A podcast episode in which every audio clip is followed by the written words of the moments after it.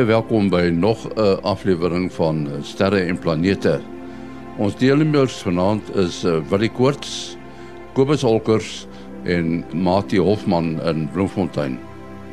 Ons sal net luister na Lafra Smit wat meer inligting gaan verskaf oor wat daar te sien is in Oktober in die ruimte. Maar hier is eers ruimte nuus wat geskryf is deur Herman Turin in Bloemfontein. Normaalweg sal vloeibare water weens Mars se lae atmosferiese druk nie op Mars verwag word nie.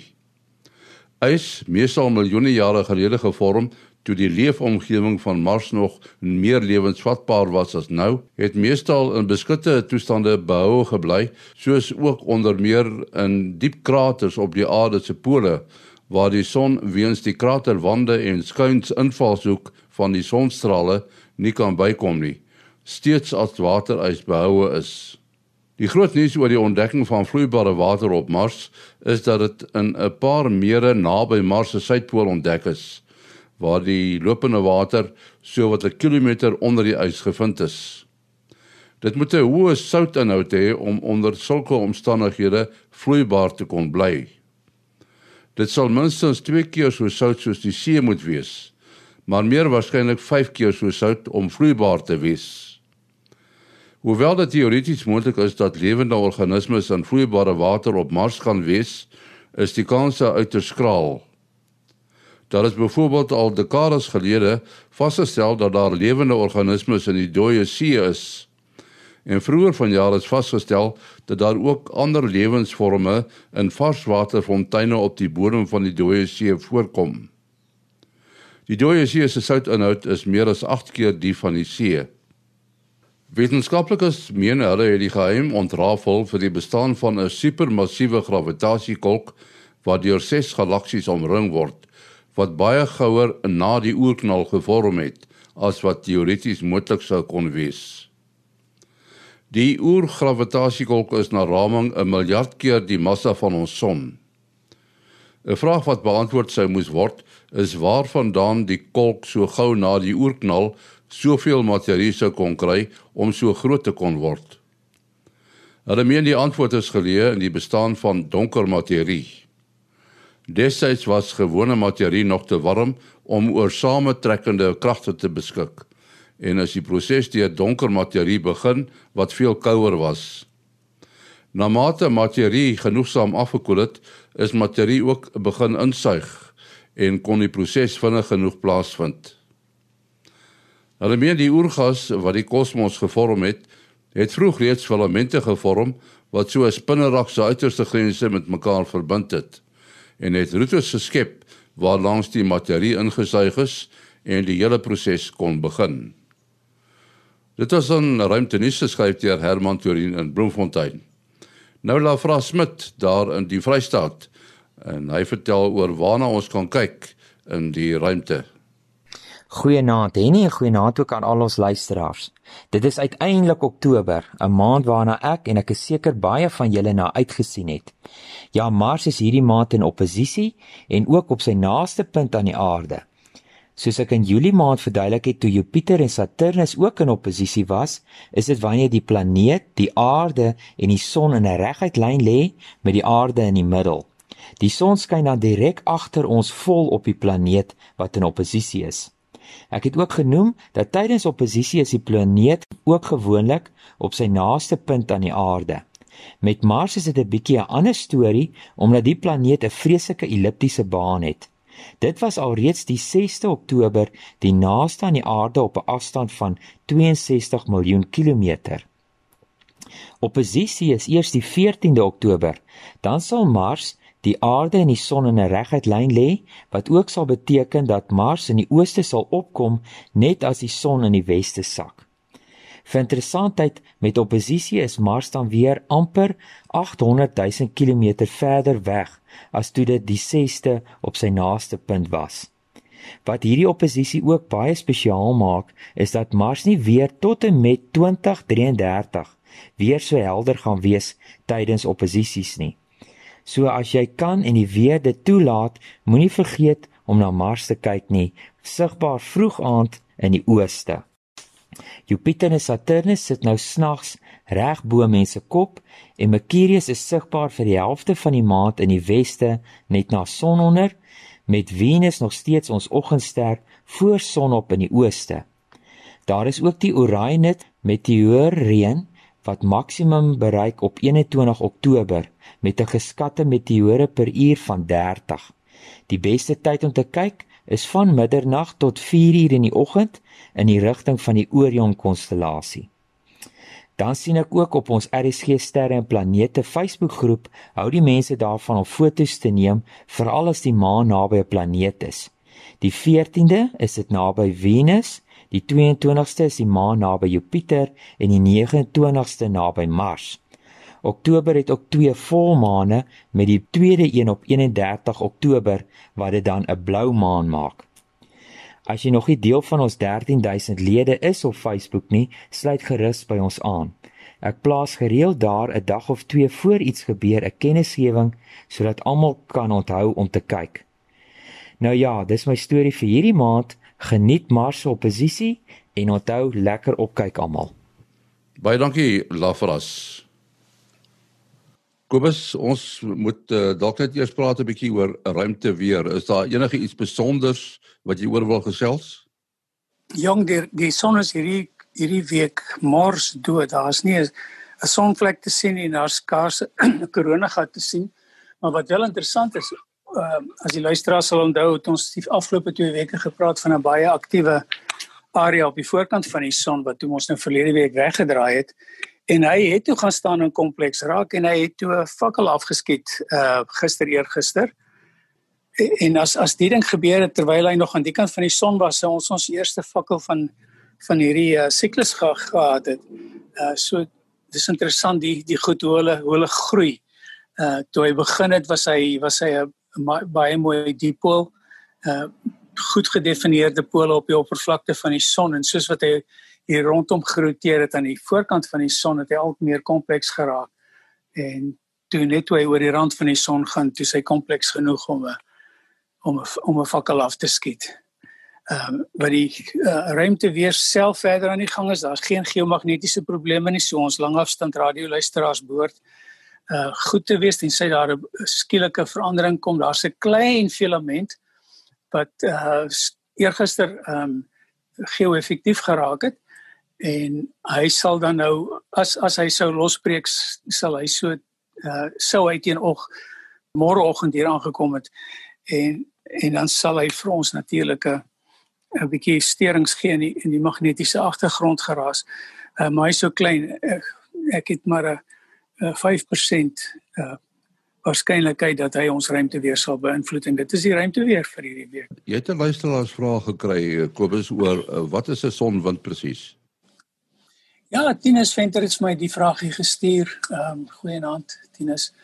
Ehm uh, hy sê hy verstaan nie heeltemal die sonwind en waar hy vandaan kom nie.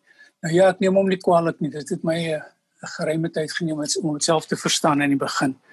Om oor die sonwind te praat, moet ons nou eers probeer uitwerk wat die konsep is.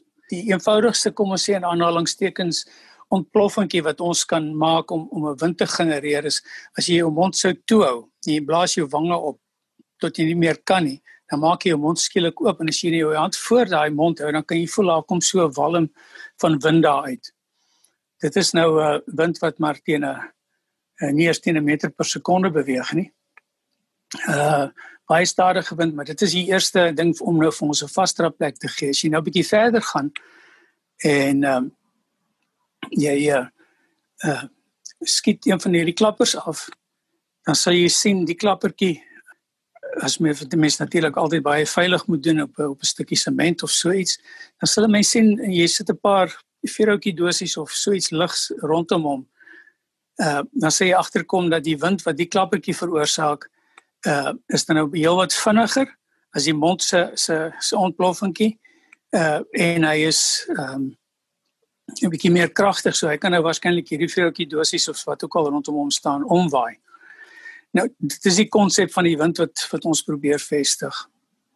As 'n mens nou nog verder gaan en jy kyk dan na die wind wat deur 'n 'n atoombom veroorsaak word, dan sal ons sien die atoombom daar in Hiroshima is het 'n so 6000 uh voet wat is dit omtrent 2000 meter se koers ook aan die grond afgeskiet en sy wind was sterk genoeg om die hele Hiroshima vir uh vir omtrent 10 15 km ja, deursnit area alles plat te waai. Nou dit is al 'n dit is nou al 'n redelike wind. Nou kom ons by die son. Die son is nie 'n mond wat blaas nie, hy's ook nie 'n klapper wat afgaan nie en hy's ook nie 'n atoombom wat afgaan nie. Hy is miljoene en miljoene waterstofbomme wat gelyktydig afgaan. En om dit nou nog nog verder te neem is die die klomp goed gaan nie net af onthou net nou as ons toe nie, ons net gesels het van die uh windpof wat jy met jou met jou mond kan genereer of met die klappertjie is dit 'n vinnige wind en hy's verby. Die son se wind hou nie op nie. Die ontploffings bly aangaan heeltyd. 'n Mens kan jouself nie so iets indink nie, maar dit is nou soos 'n ontploffing wat net nooit stop nie van miljoene en miljoene van waterstofbomme. Dit is die tipe van wind waarvan ons nou praat, maar dan moet ons ook nou onthou hierdie hierdie ontploffing gebeur in die middel van die son. Rondom daai ontploffing is daar nou 'n klomp massa wat met gravitasie hierdie wind nou terughou. En om 'n lang storie kort te maak, teen die tyd wat die wind by die uh, oppervlakte van die son uitkom, dan is sy spoed hier in die omgewing van 650 km per sekonde. Kilometer per sekonde. Maar dan word hy nog vertraag deur die korona wat rondom die son is. Ons het nou gepraat oor die korona. Teen die tyd wat hy deur die korona is, wat hom nou nog verder vertraag het want 'n klomp van hierdie sonwind het nou sy energie oorgedra aan die korona. Is die sonwind se spoed hier in die koers van 350 km per sekonde. En dit is dan die spoed waarmee hy nou hier weg uh, wegwaai in al die rigtings van die son af. So ons noem dit die standaard sonwindspoed. Dit is as die son as daar nou geen koronagate is nie en daar's geen ander aktiwiteit nie, dan kry ons 'n sonwindspoed van hier in die orde van 300 na 350 km per sekonde. Wat is nou die sonwind? Wat is dit nou fisies wat baie uh, as 'n mens nou in die uh, hier op die aarde is, dan weet jy dis nou lugmolekules wat teen jou vasbaai. En as 'n mens nou by die na die sonwind kyk, dan dan is dit werklik dit is flentertjies wat nou uh van die son af wegwaai, atome, uh, baie hoë energiepartikels. Hulle waai, maar hulle is nie so dig teen die tyd wat hier by ons aankom nie. Ons sê altyd dis verskriklik warm in die ruimte, maar as jy nou in die in die uh sê maar tussen die tot en met Mars omtrent is is die uh, energie van die son se straling. Ek praat nou van sy straling, nie van die sonwind nie. Die die lig, die straling wat uit die son uitkom. Kry ons hier by die aarde byvoorbeeld omtrent 1.5 uh kilowatt uh per vierkante meter se energie uh net bo kan die ionosfeer en as dit by die aarde aankom waar om nou jou uh sonselle by die huis aan te dryf, dan is dit nou nie meer die sonwind wat dit doen nie, nou is dit die straling. En daar kry ons so kilowatt uh per vierkante meter. Rob baie rof weg afhangende van waar jy woon in die soort van ding. So die sonwind op sy eie het nie veel van die effek op ons nie behalwe uh as ons gaan kyk na die aarde se magnetosfeer. Nou die aarde is 'n baie groot magneet. Uh, hy het op die oomblik uh sê het hy twee pole. Ons het 'n noordpool aan die bokant en 'n suidpool aan die onderkant. En as 'n mens jouself nou indink toe jy op skool was, dan jy nou daardie ysterveilsels of uh, spelde of enige so iets wat jy nou so rondom 'n magneet gegooi en dan sien jy die die veldlyne wat hy so maak. Sulke pragtige mooi bo. Dit is hoe ons aarde sou gelyk het as daar nie 'n sonwind was nie. Ons het net 'n mooi simmetriese klomp bo wat so rondom die aarde staan, net soos met 'n staafmagneet. Maar wat hierdie sonwind nou doen, is hy waai nou vas teen hierdie magneetveld van die aarde, van die son se kant af. So die voorkant van die van die magnetosfeer definieer ons uh, die kant wat na die son toe wys. En wat dan gebeur is hierdie magneetveldlyne word as gevolg van da, van 'n uh, baie eenvoudige magnetiese koppeling tussen tussen die goed wat ons op skool kan onthou. Ek weet nie of mense nog daai regterhand duimreël kan onthou nie dit is basies wat dan wat dan gebeur is hy druk hierdie veldlyne na die aarde se kant toe hy spers hulle saam uh sodat hulle omtrent so by 'n hoogte van 35000 km kan kan uitkom Maar aan die sterkant van die aarde, die kant wat nou wegwys van die son af, druk hy nou daai veldlyne dat hulle miljoene, miljoene kilometer ander kant die aarde aangaan. Ons noem dit die magnetosfer of in Engels die magnetotail. En dit is wat die standaard sonwind aan die aarde doen. Hy druk die die magnetiese lyne saam En so nou sit ons hier met 'n magneet wat wat gespan is soos wat jy 'n rekkerspan of 'n geweerspan, hy's reg om iets te doen. En wanneer ons dan nou 'n uitbarsting kry op die son waaroor ons miskien op 'n latere in 'n latere program kan gesels. So dan kry ons die effek van 'n windstoot in op die op die magnetosfeer en dan druk hy hierdie magnetosfeer nog verder in en die ding begin bewe soos 'n veer wat jy wat jy aangeraak het. Uh en daai berry is dan nou wat uh die ruimte weer hier op aarde waar ons begin voel aan ons basse want daai bewer indiseer dan nou strome op ons kragnetwerke en op ons DSL netwerke en die goed raak dan as die, as die stoot sterk genoeg is dan val die goed om soos 'n klomp dominos en uh die goed hou op werk tot die tot die storm nou verby is nadat die mense al die transformators herstel het.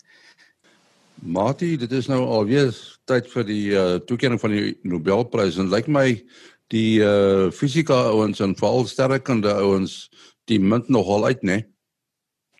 Uh ja, en nie die uh drie persone wat die Nobelprys gewen het uh, is Roger Penrose. Ehm um, hy was 'n voormalige uh kollega van uh Stephen Hawking en hy het 50% van die prys gekry vir sy bewys in die 1960 in Januarie 1965 die wiskundige uh, metodes dat bestaan van gravitasiekolke of die sogenaamde black holes of swart gate 'n direkte gevolg is van Einstein se algemene relativiteitsteorie. So al Einstein se algemene relativiteitsteorie het uh, gravitasieveldvergelykings daar gestel. Uh die vraag is wat gebeur as daar 'n baie groot massa uh materie bymekaar kom Ehm um, daar was spekulasie gewees dat dit kan lei tot die bestaan van hierdie so sogenaamde singulariteite uh waar jy so digte uh groepering van massa kry dat niks daarvan kan ontsnap nie ook die lig nie. Die groot probleem daar uh, daarmee is dat dit in die wiskunde lei tot oneindighede. Die, die wette van die fisika, die beste wette wat ons ken, wil net nie meer daarso werk in daardie ge, gebied nie. In elk geval uh Roger Penrose het dit reg gekry om mooi sistematies met die wiskunde aan te toon. Dit is nie net spekulasie nie dit is 'n direkte gevolg van wat Einstein se teorie of of uh, kom sê ja 'n uh, uh, direkte logiese gevolg van daai vergelykings. So die indien die werklike bestaan daarvan dan deur uh, waarnemings bevestig kan word ehm um, is dit uh, verder bewys dat Einstein se teorie baie waarheid in het Nou die ander twee uh, wat dan die ander 50% uh, deel, te werk het ook met uh, gravitasiekolk te doen. Die twee persone is Reinhard Genzel uh van die Max Planck Institute in uh Garching in uh, Duitsland en Andrea Ghez uh, uh van uh uh Kalifornië en hulle het jarelange werk vanaf die 1990s gedoen om die geheimsinnige uh omgewing daar in die middel van ons eie melkweg uh, te bestudeer. Dit was 'n baie goed, moeilike taak uh omdat die rigting soontoe het 'n geweldige klomp donker uh materie tussen ons en hulle. Ek dan bedoel ek nou materie, uh, donker materie wat nie interaksie het met elektromagnetiese golwe nie, maar materie wat net uh, te min lig het om wat daarop skyn soos donker gaswolke. Uh en hulle kon uiteindelik deurkyk tot in die middel met die twee grootste teleskope op aarde. Ehm uh, die uh, kyk uh, teleskoop en dan die VLT, very large telescope, die vier groot 8 meter teleskope wat saamwerk uh daar by die Europese suidelike sterrewag in in Chili. En uh hulle dit reg gekry deur in die infrarooi lig te kyk, so hulle moes baie goeie infrarooi uh kameras uh ontwikkel en dan moes hulle ook die effek van die atmosfeer waar uh, uh, kon neutraliseer en dit het hulle reg gekry weens die ontwikkeling van aanpassingsoptika, die sogenaamde adaptive optics. En toe kon hulle die beweging van die sterre daar in die middel kon hulle waarneem oor 'n tydperk van van baie jare en hulle kon die bane van daardie sterre bepaal uh en daaruit aflei dat daar dan nou die onsigbare uh voorwerp is met 4 miljoen keer die massa van die son. Maar daar's niks sigbaar nie en al uh gevolgtrekking wat uh trek dan met al die feite is die bestaan van 'n enorme gravitasiepolk. Nou net om te verstaan hoekom hierdie werk so enorm was, die gebied waarin daai sterre beweeg om hierdie onsigbare voorwerp alles saam is omtrent so groot soos wat een ster vir ons lyk hier vanaf die aarde se oppervlak as jy nou nie hierdie aanpassingsoptika gebruik. Uh so hulle moes 100 keer fyner as dit sien en dan moes hulle ook lank genoeg kyk dat hulle die beweging ver genoeg kon volg om dan die bane te kon uh, bereken en dan kon aantoon dat al daai bane as kragsentrum hierdie enorme gravitasie kom. Ja, baie daar was nou 'n interessante storie. Daar's nogal heelwat gewag gemaak daaroor. Mense dink jy altyd daaraan nie, maar uh, in die internasionale ruimtestasie moet daar nou iets soos 'n toilet wees en daar was ene wat die ouens gebruik het en ek het dit nogal interessant gevind maar daar is nou 'n nuwe ene opgestuur wat nogal 'n bietjie geld gekos het nê Ja, so mense wat Big Bang Theory kyk sal weet wie hom ontwerp het. Dit is natuurlik Howard Wolowitz gewees. Nou ja, ek het eintlik slegte nuus vir julle. Dit is net fiksie. Ehm um, en dit is baie lank terug gewees. Uh ja, korrek. Of ek dink daar is mense wat daaraan dink, so hoe gaan jy toilet toe in die ruimte? Nou, ehm um, dis natuurlik nou 'n sensitiewe saak, so mens moet versigtig wees wat jy sê, maar ons weet dat in die ruimte is goed uh, geneig om rond te dryf en hulle gaan nie na die vloer toe of of in watter rigting ook nie. So jy kan byvoorbeeld nie stort in die ruimte nie, want ehm um, want die water gaan die wêreld volspat en die hele ruimtestasie vol dryf en in die uh, instrumente en goederes inkom en so sal ook die produkte van toilet toe gaan mee gebeur. So dit is eintlik 'n 'n ongemaklike storie. En daar is is 'n paar YouTube video's oor ehm um, die ruimte toilet byvoorbeeld in die ruimtestasie en so aan. Uh um en uh, die aard van die saak mense kan dit verstaan dit is mos nou nie dis mos nou 'n privaat gebied so so so hulle verduidelik maar net hoe dit werk. En en die die interessante ding is dat die ou toilet gaan nog bly. Uh Um en so daar's nou 'n tweede toilet. So soos baie van ons huise weet, is baie gemaklik as jy 'n tweede toilet in 'n huis het. Um en uh die die oorspronklike toilet is is meer gemaklik vir mans om te gebruik. Die die nuwe toilet het uit die aard van die saak dan um is baie meer aangepas en uit die aard van die saak baie verder ontwikkel om om dan ook deur deur uh, um deur vroue 'n uh, 'n uh, 'n uh, ruimtevaders gebruik te, te word. Want ehm um, dit is ook sommer 'n kyk in die toekoms in vir wanneer ehm um, hulle byvoorbeeld mense maan toe stuur en en da, aan die aard van die saak sal jy dan sal jy dan alle alle geslagte uh, so toe stuur. Ja so uh ehm um, dat die huidige toilet is al sedert 1999 daarso en ehm um, soos ek sê die, hy, hy gaan hy gaan nou nog steeds in gebruik wees. Die nuwe ene gaan 'n vir alle uitkoms gee dan dan dan vir vrouens. Kobus jou besonderhede? Dis kobusolkers@gmail.com k o b u s o l c k e r s by gmail.com. En dan uh, Willie 72 45 79 208 0724579208. En dan Mati.